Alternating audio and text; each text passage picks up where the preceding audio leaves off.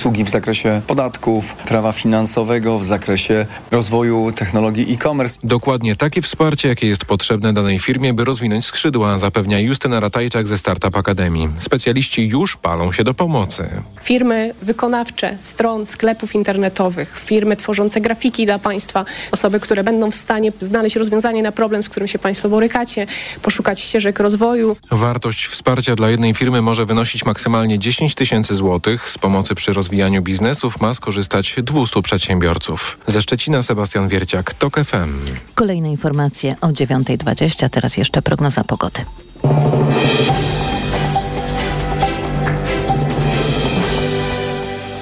Dobrej pogody życzy sponsor programu. Japońska firma Daikin. Producent pomp ciepła, klimatyzacji i oczyszczaczy powietrza. www.daikin.pl Na prognozę pogody zaprasza sponsor. Właściciel marki Active Lab Pharma. Producent preparatu elektrowid zawierającego elektrolity z witaminą C i magnezem. Pogoda. Środa będzie pochmurna w całym kraju, będzie też przelotnie padać, a na północy, wschodzie i południowym wschodzie zagrzmi 19 stopni dziś maksymalnie w Białymstoku, Krakowie i Wrocławiu, do 20 w Trójmieście, Poznaniu, Łodzi, Katowicach i Lublinie, 21 stopni w Rzeszowie, Warszawie, Bydgoszczy i Szczecinie. Czas na raport smogowy w TOK FM.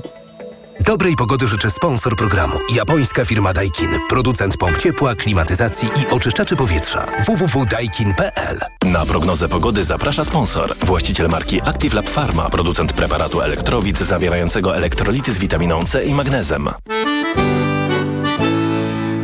Sponsorem alertu smogowego jest firma Kostrzewa, polski producent pomp ciepła, kotłów elektrycznych i kotłów na pelet. Kostrzewa.com.pl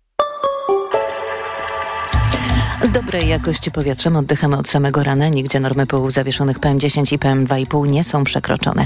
Kolejny raport smogowy w TOK FM po 17. Sponsorem alertu smogowego jest firma Kostrzewa, polski producent pomp ciepła, kotłów elektrycznych i kotłów na pelet. Kostrzewa.com.pl Radio TOK FM.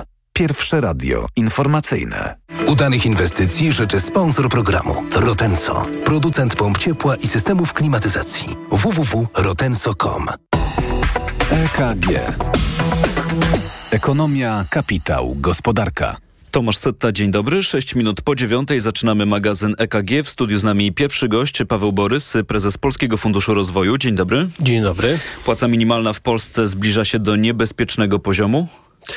No, zbliża się do y, poziomu około 50%, który przyjmowany jest przez ekonomistów jako taki poziom, powyżej którego lepiej, aby ta płaca minimalna już nie wychodziła. 50% natomiast cały czas be... przeciętnego wynagrodzenia, dodajmy. Tak, natomiast cały czas uznawany za bezpieczną. Trzeba pamiętać, że kilka lat temu to było około 1 trzeciej przeciętnych wynagrodzeń, więc no, obecnie e, ekonomiści uważają, że to jest taki maksymalny dopuszczalny poziom. Ale my się zbliżamy do tych 50%, czy przekroczymy w przyszłym roku po tych podwyżkach, które proponuje rząd ten No to te, się te, te zmienia w ciągu roku, bo płaca minimalna idzie do góry, ale później płace idą do góry, więc e, chwilowo przekraczamy, po czym znowu spadniemy pewnie na koniec przyszłego roku do około 48%. Pytam o to nieprzypadkowo, bo w, kiedy ostatni raz e, rozmawialiśmy tutaj w magazynie EKG, to pan, e, kiedy rozmawialiśmy o płacy minimalnej, zwracał na to uwagę, że zbliżamy się do tego niebezpiecznego poziomu i musimy być ostrożni ostrożni, myśląc o kolejnych podwyżkach pensji minimalnej. Tak, y, z uwagi na to, że rynek pracy nie tylko w Polsce, ale na świecie no, postrzegany jest jako potencjalne źródło utrzymywania się inflacji przez dłuższy czas. Y, y, no, ta dynamika płac przekładana jest przez przedsiębiorców później na ceny. Natomiast w tej chwili polscy ekonomiści szacują, że ten wzrost płacy minimalnej może wpłynąć na inflację tylko w zakresie 0,3-0,4 punkta procentowego. Raczej będzie to też rekompensowane silnym chociażby złotym, więc no, ten poziom wzrostu jeszcze płacy minimalnej, tak jak mówię, no oczywiście jest dobry dla osób nisko zarabiających. Nie powinien być jeszcze groźny z perspektywy kontynuacji dezinflacji w Polsce, czy zaburzyć jakieś e, e, procesy gospodarcze. A pan by dzisiaj postulował zmianę modelu? W jaki sposób obliczamy podwyżki płacy minimalnej? Bo dzisiaj to jest zapisane w ustawie, tam dosyć duży wpływ na to, w jaki sposób wygląda to podwyżka ma poziom inflacji. Jeśli średniorocznie rocznie ta inflacja wynosi powyżej 5%, no to trzeba też e, tę płacę minimalną podnosić w dwóch terminach. Czy pan by na przykład chciał jakoś na stałe powiązać wysokość płacy minimalnej w Polsce z poziomem tego przeciętnego wynagrodzenia? Chyba nie. Wydaje mi się, że ten, ten model się raczej sprawdza i nie tylko w Polsce, ale też w innych e, krajach nie widać negatywnych skutków dla rynku pracy, bo standardowa e, obawa ekonomistów przed podwyżką płacy minimalnej jest taka, że jak się ją podwyższa, to część przedsiębiorców zwalnia pracowników, spada popyt na pracę, pojawia się bezrobocie. No, w Polsce e, mamy najniższe bezrobocie w, w, w, Unii Europejskiej, nie widać tych negatywnych skutków, ale zwiększa nam podtrzymuje to, że oczywiście trzeba w, tym, w, w tej kwestii zachować się racjonalnie. Ale zgodzi się pan ze mną, że zwiększa nam się liczba osób, które m, dzisiaj otrzymują płacę minimalną. Kiedyś te szacunki mówiły, że to może było milion, półtora miliona osób, e, teraz to są już trzy miliony, czyli spłaszcza nam się ta siatka wynagrodzeń. No tak, ale to jest czysta matematyka, prawda? No jeżeli płaca minimalna była jedna trzecia, powiedzmy, średnich wynagrodzeń, nagle dochodzi do połowy, to wiadomo, że obejmuje to większą liczbę e, e, osób, prawda? Ale no, powoduje to jednak, że te osoby o, o najniższych zarobkach no, mają jednak wyższy, wyższy, wyższą pensję, prawda? Więc to pozytywnie wpływa na e, tak zwaną spójność społeczną, prawda? Czyli żeby nie było tak dużych nierówności, co też widać w ostatnich latach, bo e, wskaźnik właśnie takiej spójności społecznej Gini e, przez kilka lat ostatnich cały czas spada dla Polski. Mówi pan, że ten wpływ podwyżek płacy minimalnej na inflację może być znikomy, ale pytanie, czy owszem, no może to podniesie tę inflację niewiele, ale z drugiej strony może wydłuży nam drogę do tak zwanego celu inflacyjnego, do którego tak e, z, oporami, z trudem zmierzamy? No, dezinflacja na pewno w tej chwili przebiega dość dynamicznie, bo ceny producentów najprawdopodobniej zaczną już spadać rok do roku e, w czerwcu, lipcu tego roku. Ceny konsumpcyjne powinny w perspektywie czterech miesięcy y, zejść ich dynamika poniżej 10%. Spadają już ceny żywności, mówię tutaj rzeczywiście spadają w takim ujęciu miesiąc do e, e, miesiąca. Bardzo pozytywne jest umocnienie złotego, bo ono w krótkim okresie najbardziej wpływa na też spadek cen krajowych, ponieważ no wszystko to, co importujemy staje się po prostu tańsze, więc ja uważam, że ta ścieżka schodzenia z inflacji nie jest jest zagrożona. W przyszłym roku powinniśmy zejść poniżej 5%, ale na całym świecie wszyscy o tym mówią. To, że jest relatywnie dobra koniunktura, nie ma recesji, no to oczywiście powoduje, że ta inflacja nie spada tak gwałtownie e, i, i banki centralne pewnie będą przez najbliższe jeszcze dwa lata walczyły o to, żeby inflacja wróciła do celu, czyli do tego, co chcielibyśmy osiągnąć, 2,5% do 3,5% maksymalnie. Bardzo łatwo zapomnieć, ile wynosi ten cel, bo dawno w tych rejestrach nie operowaliśmy, ale pan nie ma obawy, że ten trend dezinflacyjny, te, te, tego spadku inflacji, on może być przełamany na przełomie roku, kiedy na przykład rząd e, ten czy kolejny przywróci stawkę podatku VAT na żywność, a jednocześnie wciąż, e, a jednocześnie przestaniemy mrozić e, ceny prądu i gazu? Yy, no, stawka na żywność teraz została przedłużona do, do końca roku. Do końca roku, a nie wiemy, co się Ona, wydarzy od stycznia. To już nie jest aż tak duży skok, jeżeli chodzi o, o inflację, jak taki statystyczny, prawda? Oczywiście, jak to miało miejsce w przypadku e, paliw czy, czy energii, bo e, tam te, ten, ta stawka VAT była znacznie większa. No tak, ale jak e, dołożymy do tego odmrożenie cen energii?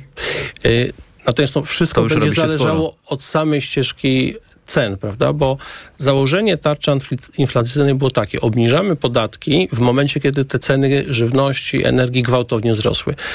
E, ceny energii już gwałtownie spadły w tej chwili, zarówno e, paliw, jak i gazu, więc oczywiście była przestrzeń na to, żeby wrócić do normalnych stawek VAT bez wpływu tak naprawdę na, na, na inflację, no bo niewiele się wydarzyło w styczniu, lutym jeszcze tego roku, ten wzrost nie był aż tak zauważalny, więc wszyscy teraz liczą na to, że będzie kontynuowany trend spadku cen żywności, które po wybuchu wojny na Ukrainie bardzo mocno wzrosły. Ten trend się pojawił dwa miesiące temu e, na całym świecie. Ceny żywności zaczynają w tej chwili się stabilizować i nawet e, spadać, więc jeżeli ten trend się utrzyma, no to wzrost cen VAT-u też nie wpłynie generalnie na, na, ten, na, na, na ścieżkę dezinflacji. A pańskim zdaniem powinniśmy także w przyszłym roku mrozić e, ceny energii?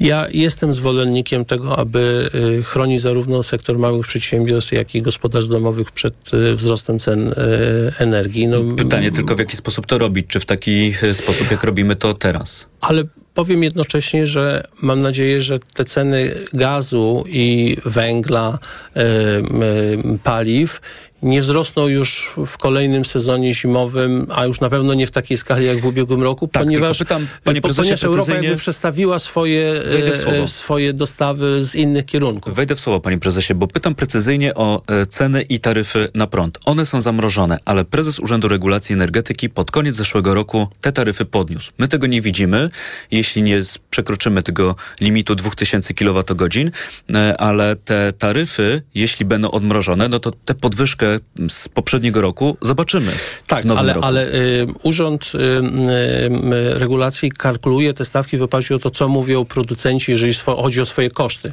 Wtedy ceny węgla, właśnie gazu były bardzo wysokie, stąd no, urząd podnosił te ceny, a rząd ten efekt jakby zmniejszał, e, wprowadzając e, te mrożenie i, i dopłaty. Teraz, jeżeli producenci energii mają niższe swoje koszty, no to też naturalnie te taryfy powinny być niższe już po prostu na kolejny rok. niższe, ale przypominam o tym, jaki mamy punkt odniesienia. On jest wyższy, my sobie z tego nie zdajemy sprawy, bo są pewne mechanizmy, te mrożące ceny, o których mówimy, ale kiedy je odmrozimy, one znikną, trzeba będzie się z tą podwyżką zmierzyć. Ale, ale moim, moim zdaniem tak ogólnie można powiedzieć tak, w 2022 roku mieliśmy potężny szok wzrostu cen y, surowców energetycznych i żywności. Ceny surowców energetycznych już spadły. Nie powinniśmy się o to aż tak bardzo obawiać y, y, w, w kolejnych kwartałach. Jeszcze cały czas na dość wysokim poziomie pozostają ceny żywności, ale dobrym trendem jest to, że od dwóch miesięcy zaczęły również te ceny spadać. A ma pan wiedzę, jaki plan ma rząd i na mrożenie cen energii i na to, co się będzie działo z, tą, z tym podatkiem VAT od żywności po nowym roku? Jeśli Nie- obecny rząd oczywiście będzie dalej rządzić. Nie wiem, no, mamy w tej chwili decyzję do końca roku przedłużenia niższych stawek VAT na, na, na żywność, natomiast myślę, że te decyzje dotyczące cen energii będą uzależnione od tego, gdzie właśnie będziemy z tymi nowymi taryfami, prawda? Gdzie będą ceny surowców na koniec roku. No to może wakacje kredytowe, może tu pan ma wiedzę, czy będą przedłużone o kolejne miesiące. No, rzecznik rządu, rządu Piotr Miller powiedział, że ta decyzja zapadnie w drugiej połowie e, e, roku. A premier powiedział, że za miesiąc, dwa. To też taka pewna No, niekonsekwencja. No, w, w najbliższym czasie, prawda? No, rząd generalnie mówi jedno. Analizujemy sytuację w sektorze bankowym z jednej strony, prawda, no bo mamy kwestie kosztów związanych z frankami, no rząd musi tutaj ważyć jakby stabilność sektora bankowego. Z drugiej strony e, e, to, czy spadną stopy procentowe, prawda, bo jeżeli będą spadały stopy procentowe, nie ma już uzasadnienia dla przedłużania wakacji kredytowych. Natomiast jeżeli e, te stopy pozostawałyby na wysokim poziomie, to w, w mojej opinii takie uzasadnienie by było. No, Premier mówi tu już wyraźnie o kryteriach dochodowych, być może o krótszym okresie, więc być może w jakimś ograniczonym zakresie em, takie decyzje zostaną podjęte. Pańskim zdaniem ten poziom stóp procentowych to jeszcze w tym roku? Możemy się spodziewać obniżek? Y, No, jeżeli y, projekcje Narodowego Banku Polskiego będą wskazywały, że w perspektywie dwóch lat inflacja wraca do celu, jest to wtedy uzasadnienie no, podejmowania pierwszych decyzji o obniżek, obniżkach stóp. Bo Natomiast są tacy członkowie Rady, którzy mówią, że już będzie można takie decyzje rozważać, czy to we wrześniu, czy w październiku, czyli bardzo szybko. Natomiast co, co, co, co ważne, dzisiejsze prognozy wskazują, że stopy procentowe już rzeczywiście do końca przyszłego roku mogą spaść z tego poziomu 6,75 do około 5%. No i to jest jakby dobra decyzja, prawda, bo mm, mamy szansę na w końcu ustabilizowanie się cen, a także stóp procentowych, więc kredytobiorcy będą po prostu płacili mniejsze raty. Nie chciałem spekulować, czy to, to jest październik, czy, czy, czy listopad. No, mm, No, i- zwłaszcza, że i- jak widzimy, jest tutaj rozdźwięki pomiędzy premierem i rzecznikiem rządu, więc rzeczywiście być może i pan tej wiedzy też nie ma, kiedy Nie, możemy myślę, się że spodziewać nie jakiejś jest decyzji. istotny tutaj yy, po prostu premier i rzecznik mówi o tym, że w drugiej połowie tego roku te decyzje zostaną podjęte. Panie prezesie, to na koniec y, pomówmy jeszcze o opinii NIK-u w sprawie wykonania zeszłorocznego budżetu. Nie mamy już tyle czasu, żeby bardzo mocno wniknąć w ten cały dokument, ale skupmy się na jednej liczbie, która tam e, pada. To jest ponad 12 miliardów złotych. Zdaniem NIK-u tyle przepłacamy, zadłużając się poza budżetem, czy to w Banku Gospodarstwa Krajowego, czy właśnie w Polskim Funduszu Rozwoju. Znaczy, po pierwsze, my przeszliśmy szereg kontroli NIK-u, także tarczy finansowej i w zakresie emisji obligacji raport mówi, że nie stwierdzono w tym zakresie jakichkolwiek nieprawidłowości, działaliśmy prawidłowo. Po drugie, te 12 miliardów to jest to, że rzeczywiście obligacje PFR-u czy BGK były trochę droższe niż obligacje skarbu. E, Trochę e, droższe, to jest jakaś jedna e, trzecia funduszu na Rodzina 500+. e, Już, już tłumaczę. Pomimo, że zaciągnęliśmy ten, ten dług, od razu powiem, na tarczę finansową średnio po 1,7%, więc zrobiliśmy, można powiedzieć, interes życia e, długoterminowo. Natomiast ta różnica wynika wyłącznie z podatku bankowego, który ponownie trafia do budżetu. Więc moim zdaniem to jest trochę kompromitacja yy, NIK-u w tym zakresie, że no nie potrafi jakby spojrzeć na to z pełnej perspektywy. Jeżeli my emitujemy obligacje, instytucje finansowe je kupują, odprowadzają z tego tytułu podatek bankowy od instytucji finansowych do budżetu, tego kosztu z perspektywy finansów publicznych po prostu nie ma. To na koniec, panie prezesie, jeszcze jedna sprawa, chociaż jesteśmy już e, po czasie. Jak pan zagłosuje w referendum migracyjnym, jeśli będzie? Nie wiem, czy będzie, więc nie chciałbym Prezes mówi, że będzie. spekulował. Powiem, e, jaki jest mój osobisty pogląd. Ja uważam, że do polityki migracyjnej trzeba podchodzić rzeczywiście bardzo ostrożnie. Rozmawiam często też z wieloma ekonomistami w krajach zachodnich. I to podejście, problem, które prezentuje rząd problem, jest ostrożne? Pro, problem z migrantami jest taki, że aktywność zawodowa migrantów jest na bardzo niskim poziomie w krajach Europy Zachodniej, co stanowi obciążenie dla finansów publicznych, różnego problemy związane nie wiem, z szarą strefą, przestępczością. Trzeba o tym otwarcie mówić i, i to dyskutować. Dlatego ja, moje osobiste zdanie jest, że trzeba bardzo ostrożnie podchodzić do polityki migracyjnej. Ale panie prezesie, tak zapytam wprost. Nie mierdzi trochę pana to, że z jednej strony wiemy, że polityka migracyjna jest wyzwaniem, o którym trzeba poważnie, poważnie dyskutować. Czy pana nie mierdzi to, że prezes zapowiadając referendum w tej sprawie, organizując wokół tego narrację i kampanię wyborczą, no nie pudrujmy rzeczywistości, odwołuje się do takich najniższych ludzkich instynktów, do obaw wobec migrantów. To nie jest próba odpowiedzi na to wyzwanie.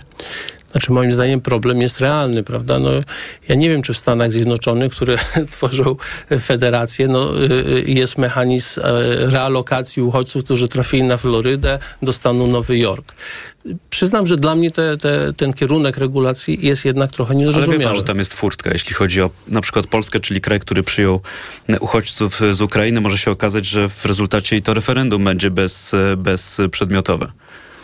No, nie Bo nie ma tam zagrożenia, o którym mówi prezes. Nie, nie, chcę tutaj spekulować co do referendum. Zapytał mnie pan o mój pogląd. Mój pogląd jest taki, że trzeba otwarcie rozmawiać o wyzwaniach, które dotyczą e, polityki migracyjnej. W przypadku Ukraińców czy Białorusinów jest inaczej. To są osoby aktywne, zawodowe, które się asymilują tutaj społecznie. W przypadku Europy Zachodniej te problemy są poważne. Powiem tak, warto na pewno rozmawiać otwarcie, ale też uczciwie o tym wyzwaniu, bo przed nim mam takie wrażenie, po prostu nie uciekniemy. E, kończy nam się czas, więc tu stawiamy kropkę w naszej rozmowie. Bardzo dziękuję. Paweł dziękuję. Borys, prezes Polskiego Funduszu Rozwoju. Informacje. EKG. Ekonomia, kapitał, gospodarka. Udanych inwestycji życzył sponsor programu Rotenso, producent pomp ciepła i systemów klimatyzacji. www.rotenso.com Autopromocja. Mała władza. Nowy podcast. Tylko w Tok FM Premium.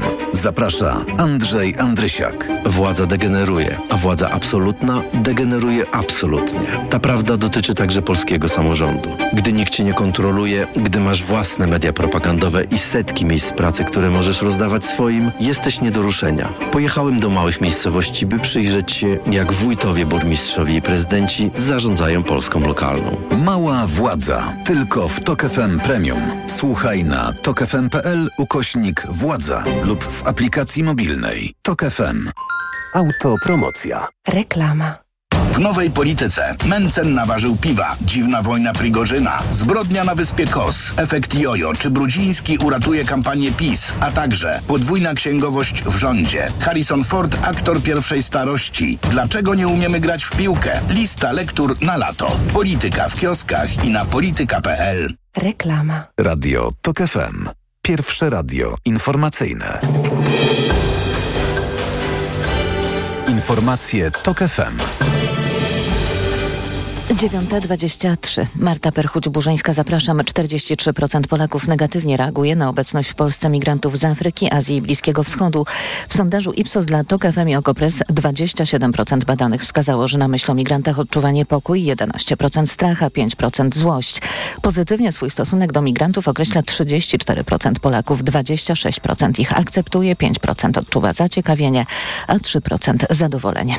Lustracja czeka członków Korpusu Służby Cywilnej oraz urzędników państwowych, a to w sumie około 40 tysięcy osób. Nowe przepisy, które wczoraj weszły w życie, sprawiają, że kierujący instytucjami publicznymi muszą w ciągu tygodnia przesłać Instytutowi Pamięci Narodowej listę tych pracowników, którzy urodzili się przed 1 sierpnia 1972 roku.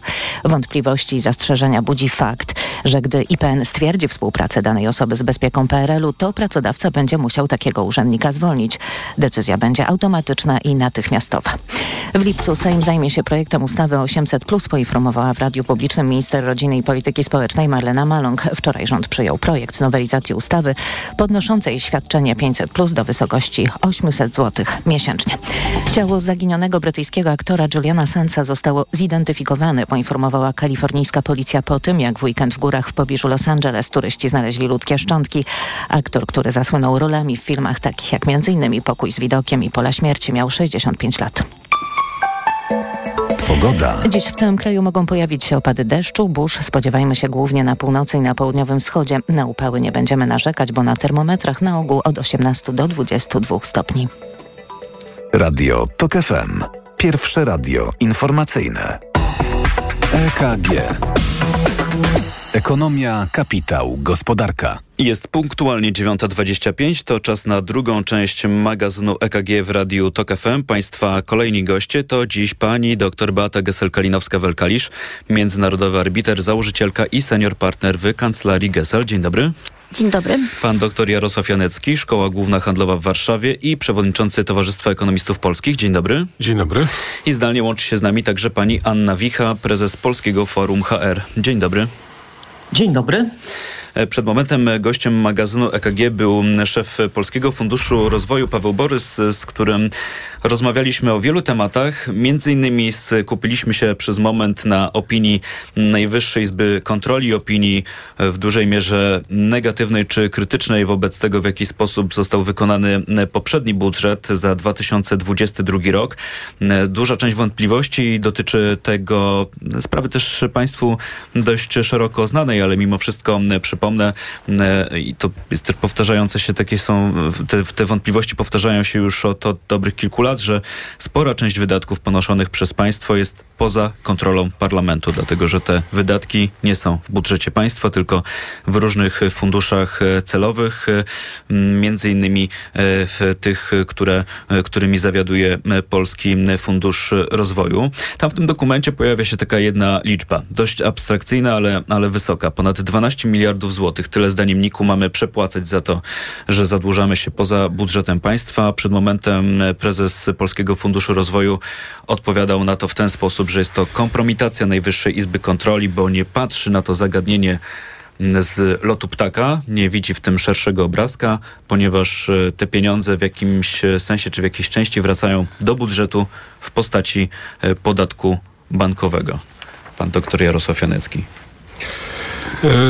No tak, oczywiście tutaj można różne tezy stawiać, natomiast pragnę tutaj może bardzo silnie podkreślić, że NIK twierdzi, że ta ubiegłoroczna ustawa budżetowa no, przestaje tak naprawdę pełnić funkcję podstawowego aktu zarządzania finansami państwa. I to jest taki główny grzech popełniony przez ministra finansów i rząd.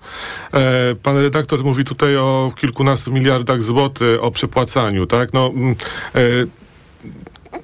to wszystko, te działania powodują z jednej strony nieprzejrzystość finansów publicznych, a z drugiej strony powodują, że posłowie w Sejmie no już przestali praktycznie decydować o tym podstawowym budżecie państwa, o podstawowych wydatkach, które są uruchamiane przez ministra finansów. Co więcej, Um, różnica pomiędzy metodologią wyliczania e, długu publicznego według polskiej metodologii a unijnej według NIK powiększyła się do 302 miliardów złotych. Taka jest różnica pomiędzy polską metodologią a unijną.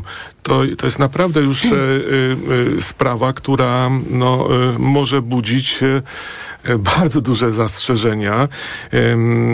Byliśmy w okresie dużych turbulencji na rynkach finansowych, natomiast to nie powinno usprawiedliwiać e, e, rząd przed tym, żeby prowadzić działania, które no jednak e, w bardzo silny sposób e, powodują, że mamy do czynienia e, no, z dużą nieprzejrzystością finansów publicznych. Mówił doktor Jarosław Janecki, Beata Gesel-Kalinowska-Welkalisz. Ja bym tutaj nawiązała do tego sformułowania, jeżeli dobrze pan cytował, że pan y, prezes Niku nie widzi szerszego obrazka. Że te, Chyba że nie on, padło to w tej wypowiedzi ale, tutaj na antenie, ale taki, rozumiem, był sens tego, że nie widzi szerszego horyzontu. A ja myślałem tutaj nawiązała do tego, co się wydarzało przez ten czas w czasie trwania kontroli NIK-u. Jeżeli ktoś zarzuca, że prezes NIK-u nie widzi szerszego obrazka, to musi też zobaczyć to, co się działo w ramach tych kontroli, czyli nieudostępniania informacji.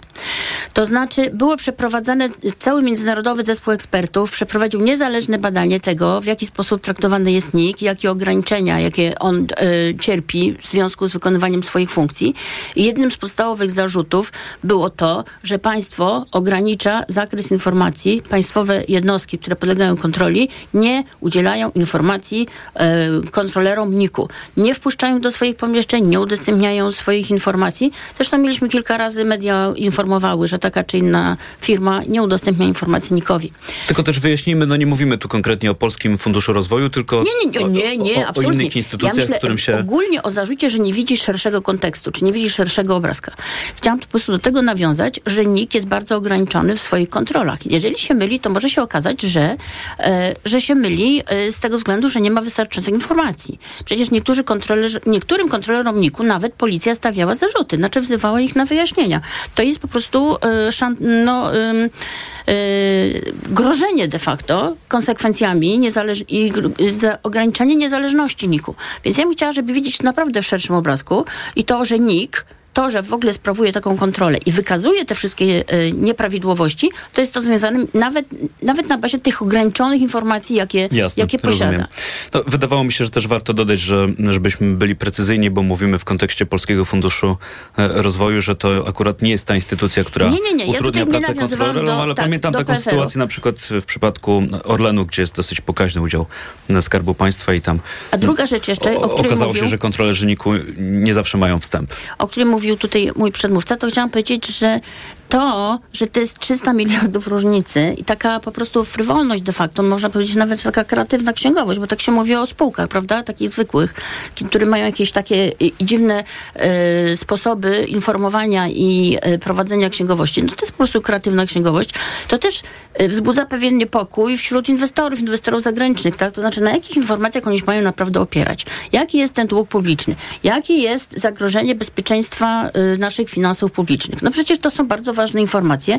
I taki budżet, który jest podstawowym instrumentem oceny właśnie sytuacji, a potem wykonanie tego budżetu, no to jest po prostu y, y, brak rzetelnej informacji, która jest po prostu wykazana, tak? No bo mamy te unijne standardy i te polskie standardy informowania, no to pokazuje, że po prostu, że na jakich informacjach mają się ci inwestorzy opierać. Mamy różny zakres informacji, też różny zakres kontroli parlamentu nad tym, w jaki sposób są wydawane publiczne, czyli nasze pieniądze i to jak słyszymy pieniądze niemałe. Przed momentem mówiła Beata Gesel-Kalinowska-Welkalisz. Pani Anna Wicha, czy coś do tego wątku dodajemy, czy coś bardziej, czy, czy bliżej rynku pracy, bo z prezesem też o płacy minimalnej rozmawialiśmy? Myślę, że jednym zdaniem zamykając ten wątek, myślę, że przykro jest słyszeć, jak zdeprecjonują nam się um, takie opinie o instytucjach, które opisują naszą rzeczywistość. Jakby po, podsumowując to, co mówiła moja, moja przedmówczyni. W zasadzie jako sza, szary obywatel nie wiemy komu wierzyć, nie wiemy na jakim, e, na jakim świecie żyjemy. To jest e, strasznie przykre. Do, jeszcze niedawno mieliśmy instytucje, których wiarygodność jakby nie była e, podważana. Był Trybunał Konstytucyjny, był, był NIK i wszystkie informacje, które wychodziły z tych instytucji były uznawane za, za wiarygodne. Nie tylko dla inwestorów, o których których mówiliśmy przed chwilą, ale też dla szarego obywatela.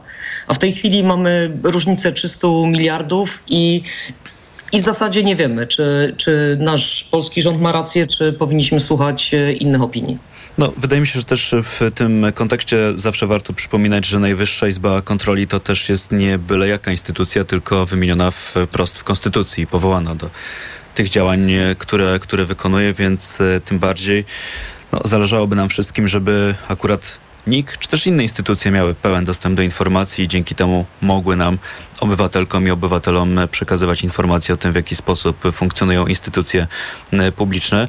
To skoro przy głosie jest pani prezes Anna Wicha i wywołałem ten temat płacy minimalnej, to o to też zapytam, dlatego że jakiś czas temu Paweł Borys e, sugerował, że zbliżamy się z tymi podwyżkami płacy minimalnej do pewnego niebezpiecznego e, poziomu. Nikt nie kwestionuje tego, że płaca minimalna powinna rosnąć, tylko pytanie, w jaki sposób powinna się odnosić do tego przeciętnego wynagrodzenia. Czy trochę nam się to nie wymyka spod kontroli i nie, nie będzie to przekraczało mocno połowy tego przeciętnego wynagrodzenia?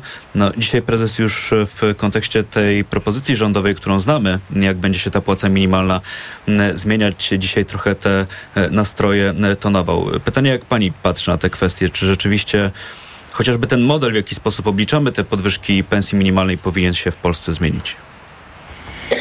No może przypomnijmy, jakie mamy fakty. E, zaczynaliśmy ten rok z płacą minimalną 3490 zł. Od lipca, czyli już za, za tydzień, będziemy mieli płacę minimalną na poziomie 3600. Przewidywania na kolejny rok. E, przypominam, że znowu będą to dwie rewaloryzacje w styczniu i, i w lipcu, w związku z tym, że inflacja jest, e, jest stosunkowo wysoka. Spodziewamy się, że od stycznia będzie to 4242 i od lipca kolejnego roku 4300 co oznacza bardzo, bardzo wysoki wzrost y, bo to jest 25%, y, dużo wyższy wzrost niż y, aktualnie mm, funkcjonująca inflacja. Mówił Pan o tym, jak się ma ta płaca minimalna do średniego wynagrodzenia. Ona będzie stanowiła 56% średniego wynagrodzenia. Bardzo dobrze, że podnosimy płacę minimalną, tylko pytanie, czy dobrze, że tak szybko. O tym ile osób będzie e, doświadczało płacy minimalnej. A pięć lat temu było to półtora miliona osób, które pracowały na płacy minimalnej. W tej chwili będzie to już trzy miliony osób, które pracują, pracują na, na płacy minimalnej. E, do czego to prowadzi? E, zmieniają się, to, to, to jest, będzie efekt taki, że inflacja będzie z nami na pewno dłużej, gospodarka będzie się trochę wolniej, e, trochę wolniej rozwijać. Mm, mamy stosunkowo niskie bezrobocie, więc e, można powiedzieć, że pracodawcy nie mają wyjścia, muszą wytrzymać te rosnące, rosnące koszty pracy. Będą też się zmniejszały różnice płacowe. Mm, tak jak mówiłam, ci najmniej zarabiający będą zarabiali więcej i to w szybkim tempie będą zarabiali więcej, kosztem tego, że e, osoby, które zarabiają relatywnie dużo, nie dostaną swoich podwyżek albo nie dostaną tych podwyżek w takiej wysokości, jakie... Czyli też, jak, jak rozumiem, spłaszcza nam się ta siatka płac w takich warunkach. Trochę Dokładnie. trudniej różnicować e, stanowiska czy, czy, czy pewne szczeble w poszczególnych firmach. Jeśli jest to powiedzmy firma trochę większa i tam takie zróżnicowanie wśród pracowników, jeśli chodzi o stanowiska i rodzaj wykonywanej pracy można, można zastosować. Mówiła pani prezes Anna Wicha, są z nami też Beata Gesel-Kalinowska-Welkalisz i Jarosław Janecki. Państwa zapraszam na informacje. Radio Tok FM, po nich wracamy. EKG. Ekonomia, kapitał, gospodarka. Autopromocja.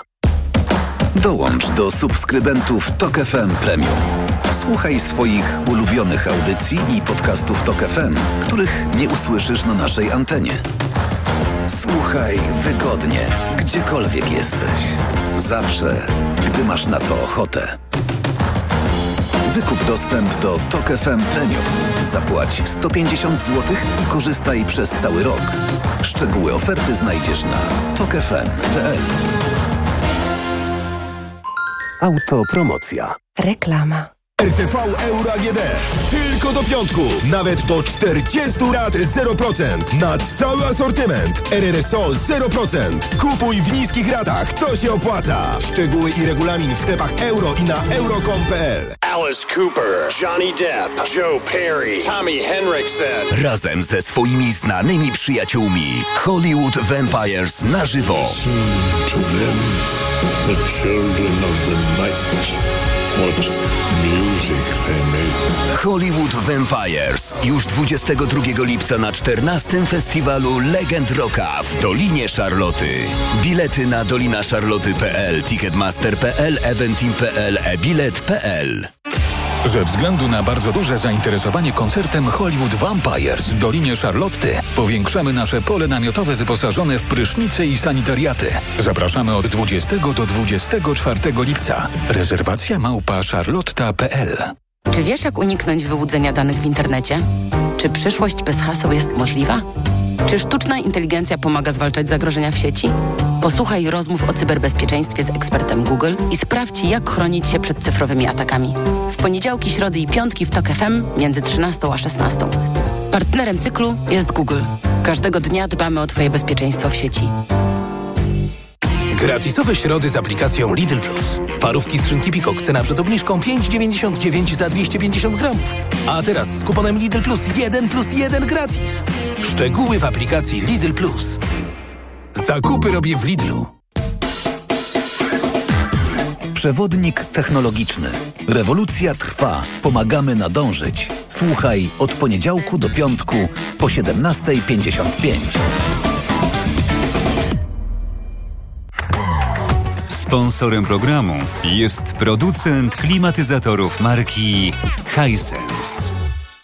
Marian, Mm. na tej wielkiej wyprzedaży to gdzie kupować? Barbara, no w Media Expert zresztą sama posłuchaj. Ruszyła wielka wyprzedaż w Media Expert. Na przykład cicha i energooszczędna zmywarka Bosch. Najniższa cena z ostatnich 30 dni przed obniżką 1999 zł. Teraz za jedyne 1499. Z kodem rabatowym taniej o 500 zł. Bóle nóg, obrzęki, żylaki zatrzymują Cię w pół kroku? Przyczyną mogą być osłabione naczynia, a także zakrzepy. Sięgnij po nowość. Rostil Max z maksymalną dawką substancji czynnej w jednej tabletce. Rostil Max działa podwójnie, wzmacnia naczynia i przeciwdziała tworzeniu się zakrzepów. Rostil Max. Żylaki znikają raz, dwa. Aflofarm. Rostil Max. Tabletka zawiera 500 mg apniatu bezylanu jednowodnego. Wskazania leczenia objawów przewlekłej niewydolności krążenia żylnego kończyn dolnych. To jest lek. Dla bezpieczeństwa stosuj go zgodnie z ulotką dołączoną do opakowania i tylko wtedy, gdy jest to konieczne. W przypadku wątpliwości skonsultuj się z lekarzem lub farmaceutą. Reklama. Radio TOK FM. Pierwsze radio informacyjne. Informacje TOK FM. 9.41 Marta Perchuć-Burzyńska. Zapraszam. Po rosyjskim ostrzale w Kramatorsku w wojewodzie donieckim trwa akcja ratunkowa i poszukiwanie ludzi w zawalonych budynkach. Wieczorem rosyjskie wojsko uderzyło rakietami w restaurację i dzielnicę mieszkaniową. Do tej pory ukraińskie służby potwierdziły śmierć dziewięciu osób, 60 zostało rannych. Rosyjski generał Siergiej Surowikin wiedział, że właściciel grupy Wagnera Jewgenij Prigorzyn planuje bunt przeciwko rosyjskiemu dowództwu wojskowemu, poinformował dziennik New York Times. Amerykańscy urzędnicy próbują obecnie ustalić, czy Surowikin pomógł Prigorzynowi opracować plan sobotniego buntu, który był jak dotąd najpoważniejszym zagrożeniem dla trwającej od 23 lat władzy Putina. Rekordowe upały w Teksasie stają się normą i zabijają więcej ludzi niż łącznie tornada, huragany i powodzie. W minionym roku z powodu chorób związanych z upałami w Teksasie zmarło blisko 300 osób. W czerwcu kolejna fala upałów trwała trzy pełne tygodnie. Temperatura dochodziła do 38 stopni. W Urugwaju najpoważniejsza od wielu lat susza doprowadziła do poważnych trudności w dostawach wody pitnej. W wielu gminach z kranu płynie słona woda, a rząd pospiesznie buduje nowy zbiornik retencyjny. Innowacyjny system, który wykorzystuje sztuczną inteligencję, pomoże szybciej i sprawniej leczyć młodzież i dzieci z problemami psychicznymi. Pierwszy tego typu projekt na świecie wdrażany będzie przez Szpital Uniwersytecki w Krakowie. Więcej na ten temat w informacjach o 10. Pogoda. Przelotne deszcz i burze, szczególnie na północy, wschodzie i południowym wschodzie kraju, a na termometrach od 18 do 22 stopni, na terenach podgórskich około 15. Radio TOK FM. Pierwsze radio informacyjne. Udanych inwestycji życzy sponsor programu Rotenso. Producent pomp ciepła i systemów klimatyzacji. www.rotenso.com EKG. Ekonomia, kapitał, gospodarka. 42, prawie 43 minuty po dziewiątej. Zaczynamy trzecią część magazynu EKG. Beata Gesel-Kalinowska-Welkalisz, Anna Wicha i Jarosław Janecki to dziś, przypomnę, Państwa e, goście. Na początek pytanie do gości w studiu. Czy coś Państwa dziwi? No nieustannie. nieustannie wiele rzeczy nas dziwi, ale powiem może o takiej rzeczy, która e, wydaje mi się e, bardzo ważna z perspektywy takiego obszaru, który mnie interesuje, czyli e, zmian klimatycznych.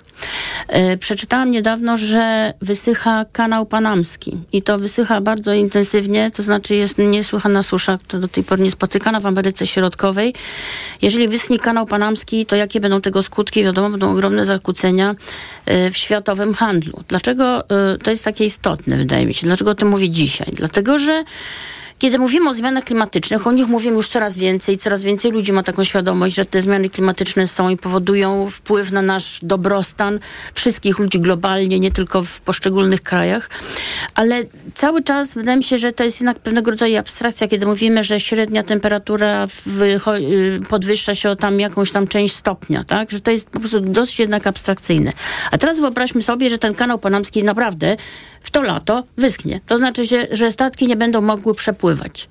E, to jest taki bardzo widomy znak, co zmiana klimatyczna, co te zmiany klimatyczne ze sobą niosą. Naprawdę bardzo konkretny. Mieliśmy taką e, przygrywkę w kanale panamskim. Przez tydzień. Sueskim. Przepraszam, sueskim. E, w kanale sueskim przez tydzień, przez tydzień był zablokowany, tam stanął ten statek i tak, wszyscy pamiętamy. nie mogły tak, przepływać. Nie dało Jaka się go usunąć, była? więc zablokował Tydzień czasu, tydzień czasu to podobno jedna godzina kosztowała 400 milionów dolarów. Utknęły 420 chyba 22 statki. 420 statków utknęło i czekało przepływ z towarami. Miliony, miliony ton towarów, które stały i czekały. Jakie to spowodowało zakłócenia w handlu, w cenach, w zaopatrzeniu, samochody nie dopływały, wszystko nie dopływało, prawda? I teraz wyobraźmy sobie, że ten Suezki teraz na stałe wyschnie i nie będzie można nim przepływać. On jest trochę mniejszy, jeżeli chodzi o jego rolę y, w handlu międzynarodowym niż, niż kanał. Tak, ale bez y, niego wtedy droga do pokonania jest dużo, dużo, dużo, dużo dłuższa. Dużo dłuższa. I chciałam powiedzieć, że to jest naprawdę, to już jest chyba zaskakujące, tak? To znaczy, wydaje mi się, że to już powinno poruszyć wyobraźnię wszystkich. To mówiła pani Beata Gesel-Kalinowska-Welkalisz z takim zdziwieniem klimatycznym, mówiąc trochę o tych e, zmianach czy katastrofie klimatycznej w kategoriach mniej abstrakcyjnych, a bardziej takich e, konkretnych i, i praktycznych też gospodarczo-ekonomicznie. Pan doktor Jarosław Janecki. Ja może taką ciekawostkę e, powiem, która jest związana ze spotkaniem, które odbywało się w tym tygodniu w Sintrze. To jest spotkanie e, Europejskiego Banku e, Centralnego, forum organizowane corocznie.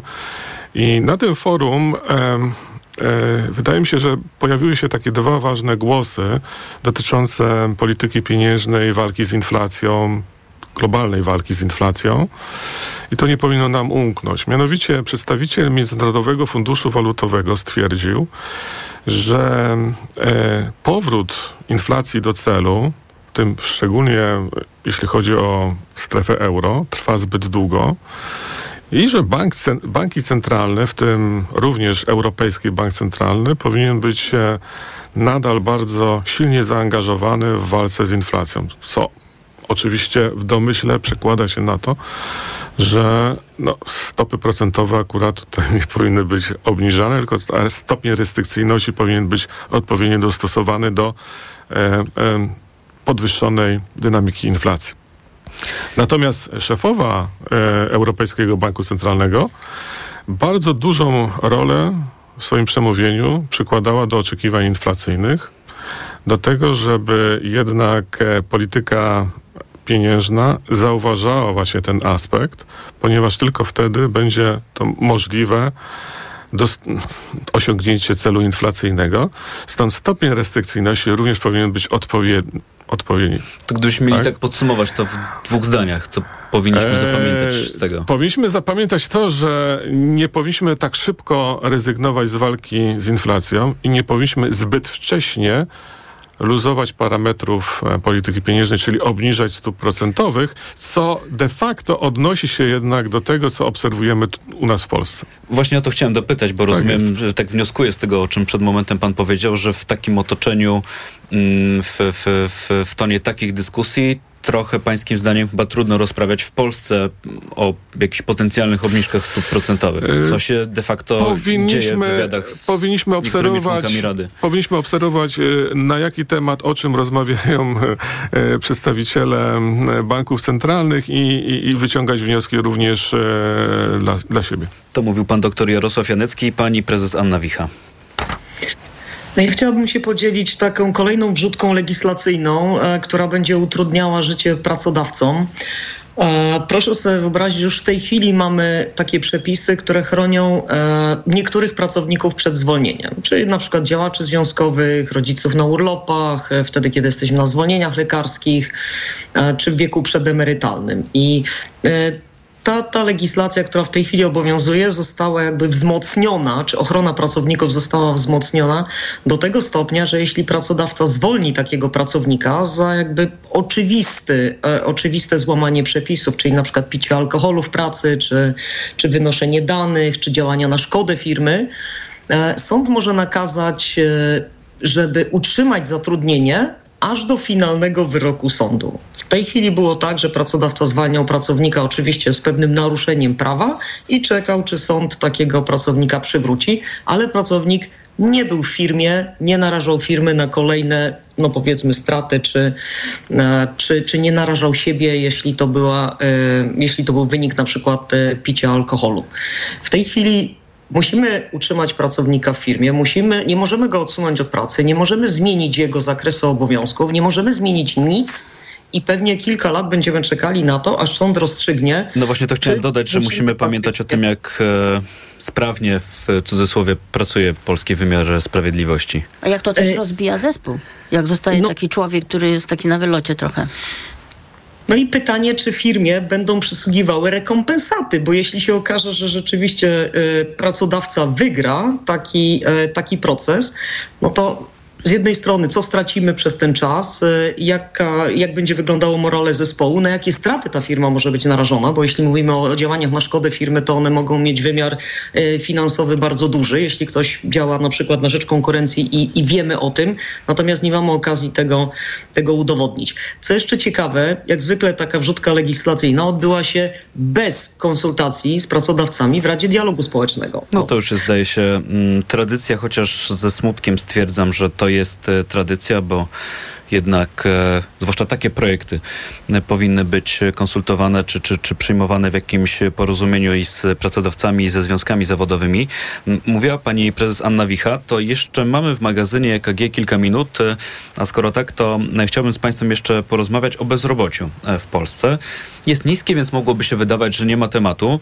Rządzący bardzo lubią chwalić się tymi danymi, z którymi rzeczywiście trudno dyskutować, czy to są dane podawane przez Główny Urząd Statystyczny, czy przez Eurostat. To rzeczywiście, jeśli chodzi o ten poziom bezrobocia, to jest on historycznie bardzo niski, tylko mm, kiedy wsłuchuję się w te głosy, ja osobiście mam taką wątpliwość, że trochę nie do końca uczciwa i transparentna jest ta dyskusja, kiedy zapominamy, że okej, w tym takim dużym, szerokim obrazku to może być niskie bezrobocie, ale wciąż w Polsce mamy bardzo wiele miejsc, powiatów, gdzie to bezrobocie liczone tą metodą polską, tak ją nazwijmy, to wcale nie jest 5%, tylko nawet powyżej 24%, czyli 1 czwarta e, taki jest stosunek tych, ty, ty, ty, liczby tych osób e, bezrobotnych. To nie wiem, czy może pani prezes Anna Wicha jakoś krótko jeszcze mm, do tego wątku, czy pani, nie wiem, na przykład podziela tę moją wątpliwość?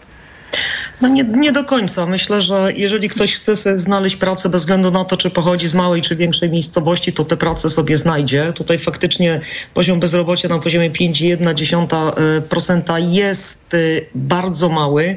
Natomiast możemy określić y, rynek pracy jako taki stabilny, dosyć zdrowy, dosyć, dosyć zrównoważony z kilku powodów. Po pierwsze, liczba ofert pracy utrzymuje się na poziomie 300 tysięcy. Ona urosła w stosunku do ubiegłego roku o 5%. Urosła też po dwóch ostatnich miesiącach spadku, czyli po kwietniu i po marcu, kiedy ta ilość ofert pracy y, spadała, była taka dużo większa, można powiedzieć, niepewność, jeśli chodzi o pracodawców, czy będą zatrudniać w tym roku, czy nie. To się już y, odbiło. E, Natomiast co jeszcze świadczy o tym, że, że ten rynek jest dosyć zdrowy, bo pracodawcy walcząc o pracowników nie zmieniają swoich oczekiwań. Bywały takie momenty, kiedy rzeczywiście brakowało pracowników do pracy i w ogłoszeniach o pracę pojawiły się takie ograniczenia w wymaganiach. Przyjmę w zasadzie kogokolwiek, kto będzie chciał u mnie pracować i y, również benefitami będę y, próbował przyciągać pracowników. Te poziomy benefitów i oczekiwań, one są dosyć stabilne i to też pokazuje, że nie ma tutaj powiedział, wojny o pracownika, natomiast y, jest to na takim poziomie dosyć zbalansowanym. Mówiła prezes Anna Wicha, pani Beata Gesel-Kalinowska-Welkalisz. Ja myślę że tak, że to jest, y, znaczy y, z jednej strony jest to korzystna sytuacja i dla pracowników i jak pani y, powiedziała tutaj, że jest to ustabilizowana sytuacja też po stronie pracodawców, ale mnie zastanawia taka rzecz, że czy to nie wskazuje na nasz jednak poważny problem, jeżeli chodzi o naszą em, demografię? Dlatego, że musimy wziąć pod uwagę, ilu w tej chwili mamy uchodźców, migrantów do Polski, którzy zajęli sporo miejsc pracy. I nadal utrzymuje się ten poziom bezrobocia na takim niskim 5%, tam Eurostatu 2 z czymś, tak? No To, są znaczy mówi inne, Pani o tej inne... dużej łatwości tego polskiego rynku pracy, żeby wchłonąć tak, bardzo dużą tak, liczbę osób, tak. y, które mogą Wydaje mi, się, świadczyć pracę. wydaje mi się, że to jest jakby jeden aspekt, nad czym należałoby się chyba zastanowić trochę. E, A druga rzecz to jest, e, zastanawiałam się nad młodymi. Tak, e, miałam, tak patrzyłam na te statystyki bezrobocia, które dotyczą młodych i jeżeli chodzi o bezrobocie w tych, wśród tych tam do, do 30 roku chyba życia, to, to te statystyki już też są całkiem niezłe, ale już takie dobre nie są. Y, I y, jesteśmy tam, nie wiem, no już nie na takiej najlepszej pozycji, aczkolwiek cały czas lepiej niż chyba średnia europejska. Chyba największe problemy to jest Hiszpania, Włochy, Grecja. E, tak, i ja myślę, że może mm, też w tym kierunku powinien pójść jakaś refleksja, to znaczy co robić z młodymi. Dlaczego wśród młodych jest tak, e, tak duże e, bezrobocie?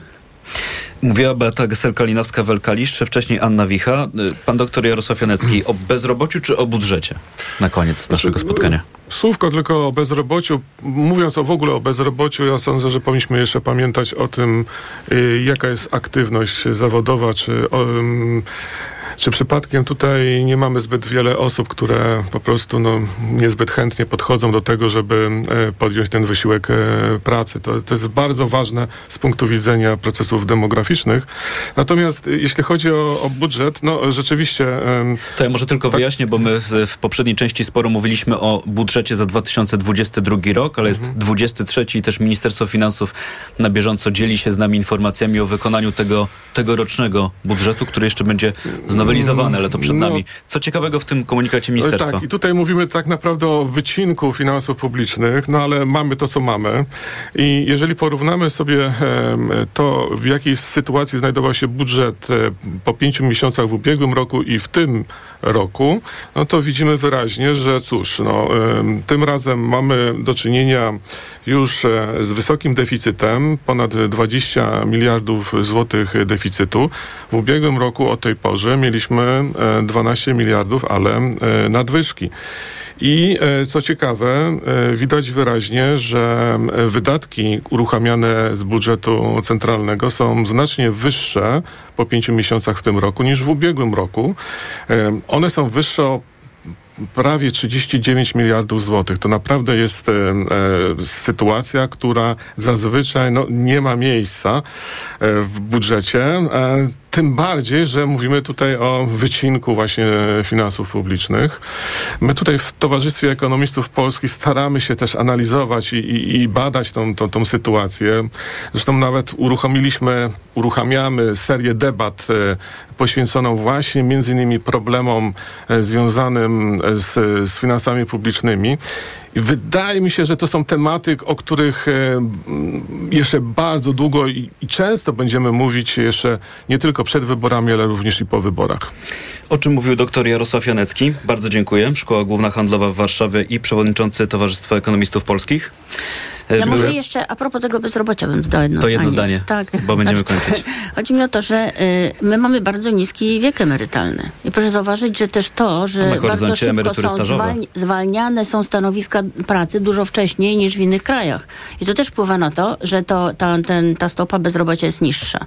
A to ma przełożenie oczywiście później na wartość naszych emerytur oczywiście. I to mówiła dr Beata Gesel-Kalinowska-Welkalisz. Również bardzo dziękuję. Międzynarodowy arbiter, założycielka i senior partner w Kancelarii No i zdalnie łączyła się z nami też pani Anna Wicha, prezes Polskiego Forum HR. Również wielkie dzięki. Program wydawała Natalia Banaczek, realizowała Liwia Prądzyńska. Także dziękuję. Za chwilę w Radio Tok FM o 10 informacja, tuż po nich audycja OFF Czarek. Pierwszym gościem Cezarego Łasiczki będzie profesor Piotr Tuleja, sędzia Trybunału Konstytucyjnego w stanie spoczynku. Wspólnie z Państwem jeszcze sprawdźmy, jak dzisiaj radzi sobie giełda papierów wartościowych w Warszawie. Indeks szerokiego rynku WIG zyskał zyskuje w tej chwili ponad 1% i na podobnym plusie indeks WIG20. Euro kosztuje dzisiaj 4,45, dolar po 4 zł i 6 groszy, funt po 5,17 i frank szwajcarski dziś kosztuje 4 zł i 53 grosze. A ja zostawiam Państwa na nieco dłuższą chwilę w bardzo dobrych rękach. Jutro w magazynie EKG przywita się z Państwem Maciej Głogowski. Ja nazywam się Tomasz Setta. Dobrego dnia Państwu życzę i do usłyszenia. EKG. Ekonomia, kapitał, gospodarka. Udanych inwestycji życzył sponsor programu Rotenso, producent pomp ciepła i systemów klimatyzacji. www.rotenso.com Przyjmuję dwa razy w weekend, w sobotę i niedzielę od 16 w Radiu Tok FM. O. Na wizytę u doktora zaprasza Ewa Podolska. I zdrowia życzę. Dyktator, który chce odbudować imperium, nigdy nie będzie w stanie wygrać z zamiłowaniem ludzi do wolności. Brutalność nie zwycięży z wolą wolnych ludzi. Ukraina nigdy nie będzie zwycięstwem Rosji. Nigdy. Teraz, kiedy prezydent Stanów Zjednoczonych, państwa, które ma prawdopodobnie największą sprawczość wciąż, mówi o tym, że Ukraina nigdy nie będzie zwycięstwem Rosji, to wydaje się, że to może być prognoza na przyszłość. Radio TOK FM. Pierwsze radio informacyjne. Posłuchaj, ściub zrozumite. Reklama. Barbara, wielka wyprzedaż w Media Expert jest, tak? No. To zobacz teraz. Wchodzę i kupuję taniej i nawet na 40 lat 0% i RRSO 0%. Marian, jesteś wielki. Bo w Media Expert taniej masz. Czujesz klimat? Spotkajmy się na festiwalach w strefie Rosmana. Już od 28 czerwca na Openerze. Reklama. Radio